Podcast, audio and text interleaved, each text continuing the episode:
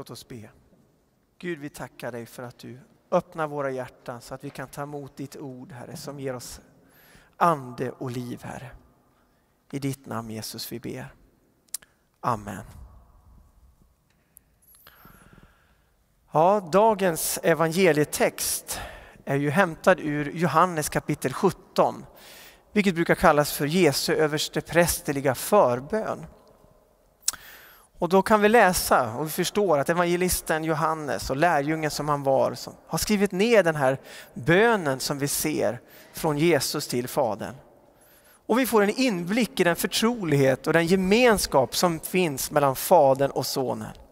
Och det är just den här förunderliga gemenskapen som finns i den treenige guden som vi bjuds in i genom frälsningen. Och den första punkten jag skulle vilja tala om idag, det är, och som jag vill slå fast, är att evigt liv är att känna Gud. För Johannes kapitel 17, jag börjar med de första verserna, så står det att Jesus lyfte blicken mot himlen och sa Fader, stunden har kommit, förhärliga din son så att sonen kan förhärliga dig.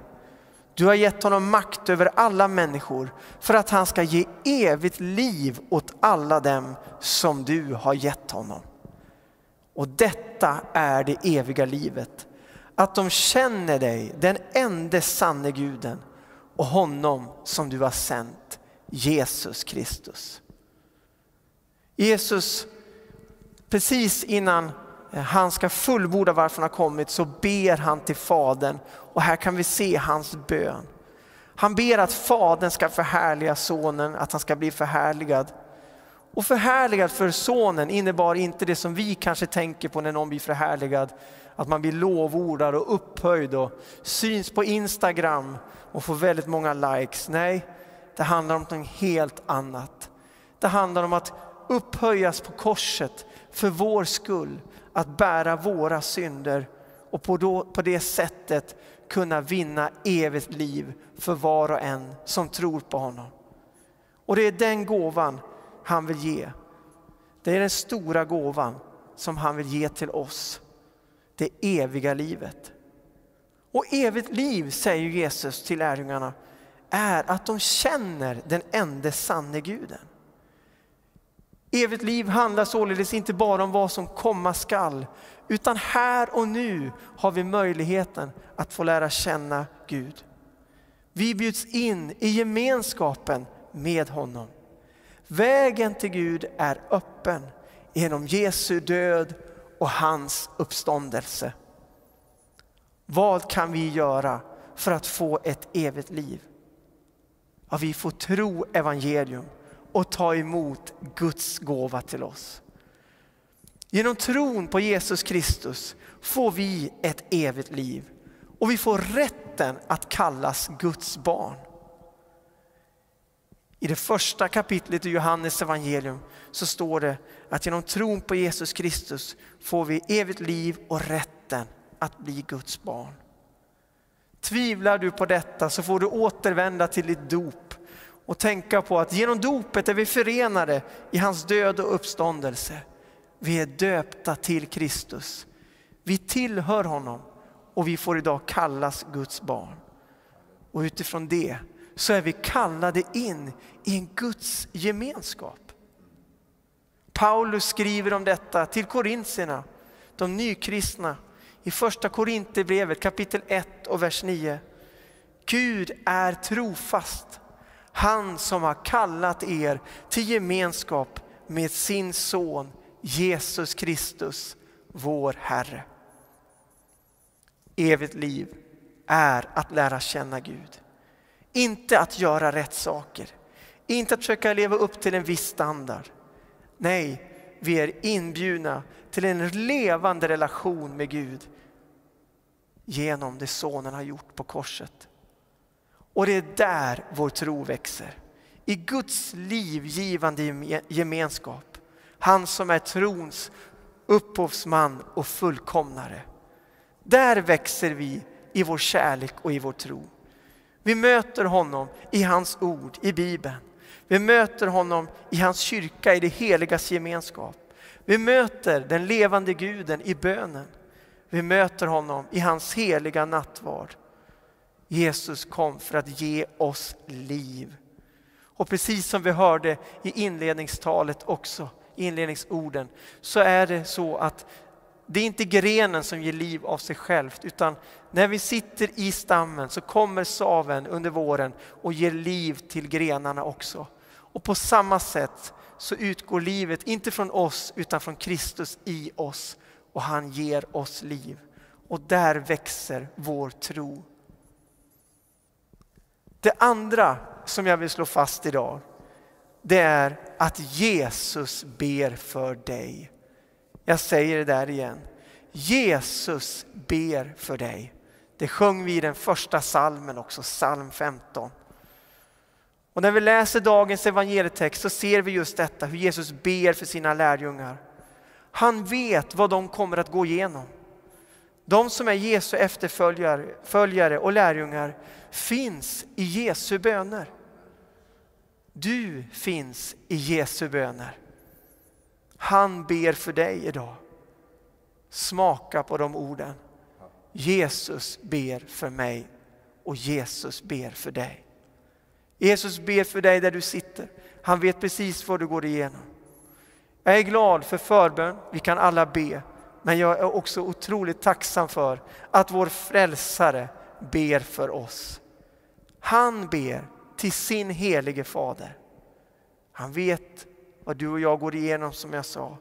Och han ber att Fadern ska bevara oss. Han ber inte att vi ska tas ut ur den här världen, för ibland kan det kännas när allt är så jobbigast och svårast att vi ska fly härifrån. Nej, han ber att vi ska bevaras ifrån det onda. Jesus vet vad du går igenom. Han vet att här i den här världen så får vi lida. Och du kanske undrar om någon vet detta. Ser någon mig? Gud ser dig och han ber för dig. Du har en förespråkare i himlen som manar gott för dig just nu, som vädjar för dig, som sitter på Faderns högra sida. Jesus Kristus ber för dig. Han säger i sitt ord till dig och mig att vi inte ska vara oroliga för han har besegrat den här världen, även om vi får lida här. Det finns inte någon plats som är så mörk att inte hans ljus når fram dit. Det finns ingen plats som är så låg att inte han redan har varit där och förmår att lyfta oss upp. Och även om vi är tyngda av synder så är hans nåd så mycket större för oss idag. Jesus ber för dig och han har lovat att vara med dig alla dagar intill tidens slut. Om du just nu känner att du går igenom dödsskuggans dal så vandrar han med dig. Om du är det på ditt livstopp så är han där och gläds med dig. Om du är ensam så är han där med dig. Och han ber för dig just nu. Du kommer igenom därför att han leder dig. Han vakar över dig. Han tröstar den som sörjer. Vilken nåd! Jesus ber för oss just nu. Det tredje och sista som jag vill lyfta fram är att Gud också sänder oss. Det första är att Guds gåva till oss är det eviga livet och evigt liv är att lära känna honom. Det andra var som jag talade om var att Jesus ber för dig och mig just nu. Och det tredje jag vill lyfta fram är att Gud sänder oss. Vi ser att Jesus också ber att lärjungarna ska helgas genom sanningen som är Guds ord. Att helgas betyder att avskiljas för ett särskilt syfte. Och Jesus ber att du och jag ska helgas. Jesus själv som är sanningen. Han är ordet som blev kött. Han är Guds levande ord som har kommit ner från himlen för att ge världen liv. Det är genom honom som vi blir helgade. Det är inte i vår egen kraft eller mänskliga prestationer. Det är inte möjligt. utan det är Jesus som heliggör oss. Och det får vi tacka Gud för. Det är Kristus som är vår helgelse. Paulus skriver i första Korinthierbrevet kapitel 1 och vers 30 att frälsningen är Guds verk som har blivit vår vishet från Gud. Vår rättfärdighet, vår helighet och vår frihet. Jesus ber att du ska bli lik honom i helighet och helgelse. Helgelse är Kristus i oss. Gud vill helighet, men han är barmhärtighet och möter dig med sin nåd. Men Gud vill helga till sig sitt folk, avskilja dem för ett särskilt syfte. Varför? Jo, i den versen efteråt, i vers 18 i Johannes 17, så säger Jesus, som Fadern har sänt mig har jag sänt dem till världen. Inte bara att vi blir inbjudna i en Guds levande gemenskap och att han ber för oss just nu. Vi får också vara en del av Guds mission till den här världen. Du och jag kan alla leva med ett mål och ett syfte. En mening i livet. Den här världen behöver fortfarande evangeliet och Gud har kallat dig och mig som hans lärjungar att vara hans sändebud. Han ber också för dem som ännu inte har kommit till tro. Han känner även dig som ännu inte har hört evangelium, men som kanske lyssnar på detta just nu. Han älskar dig och vill att du ska lära känna honom. Bjud in honom i ditt liv idag. Och då kanske du säger, men du vet inte hur mitt liv är och det ser ut just nu. Nej, jag kan inte veta allt. Men en vet allt och känner varje hjärta och var vi befinner oss. Han hör varje rop och varje suck. Varje tanke som går till honom. I Jesaja kapitel 57 och vers 15 som var gamla testamentliga läsningen idag så stod det, så säger han som är hög och upphöjd, han som tronar i evighet och vars namn är heligt. Jag tronar upphöjd och helig men finns hos den modlöse och försagde. Jag ger det försagda mod och ger det modlösa kraft. En annan översättning säger att, den, att han som heter den helige bor i det höga och heliga men också hos den som är förkrossad och har en ödmjuk ande för att ge liv åt det ödmjukas ande och för att ge liv åt det förkrossades hjärta. Kanske är det så du upplever idag, då är Gud dig nära och vill ta sin boning i ditt liv.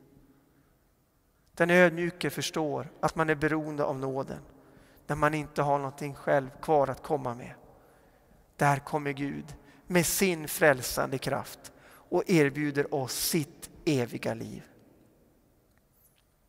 Jesus ber för dig som är modlös idag att du ska få nytt mod och att ditt hopp ska tändas igen.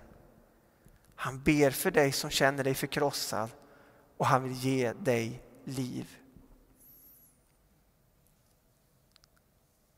Gud har gett oss det eviga livet genom sin son Jesus Kristus. Vi får lära känna honom. Låt oss växa i tro i vår relation till Gud. Jesus ber för dig idag. Han vet vad du går igenom och han manar gott för dig. Och Jesus sänder dig. Men inte ensam, men utan med sin ande och med sin frid. Precis som det står på portarna i Klara kyrka här ovanför. Frid vare med er. Så är det den friden vi får gå med. Frid med Gud och ge av den friden till en värld som desperat behöver den. Till sist, låt oss be. Vi ber Jesus att du får träda fram i våra liv. Att du Herre sänder oss, inte i egen kraft utan genom din helige Ande och med din frid. Lös oss ur våra egna försök till helgelse och lär oss att se att du Gud gör ditt verk i oss genom din son Jesus Kristus som är sanningen. Tack för att du leder oss och formar oss till din sons avbild så som du har bestämt. Och till den som känner sig svag och modlös ber vi idag att du ska fylla dem med mod och hopp. Och låt oss alla växa till i tro och kärlek och helgelse genom din son Jesus Kristus. Amen. Amen.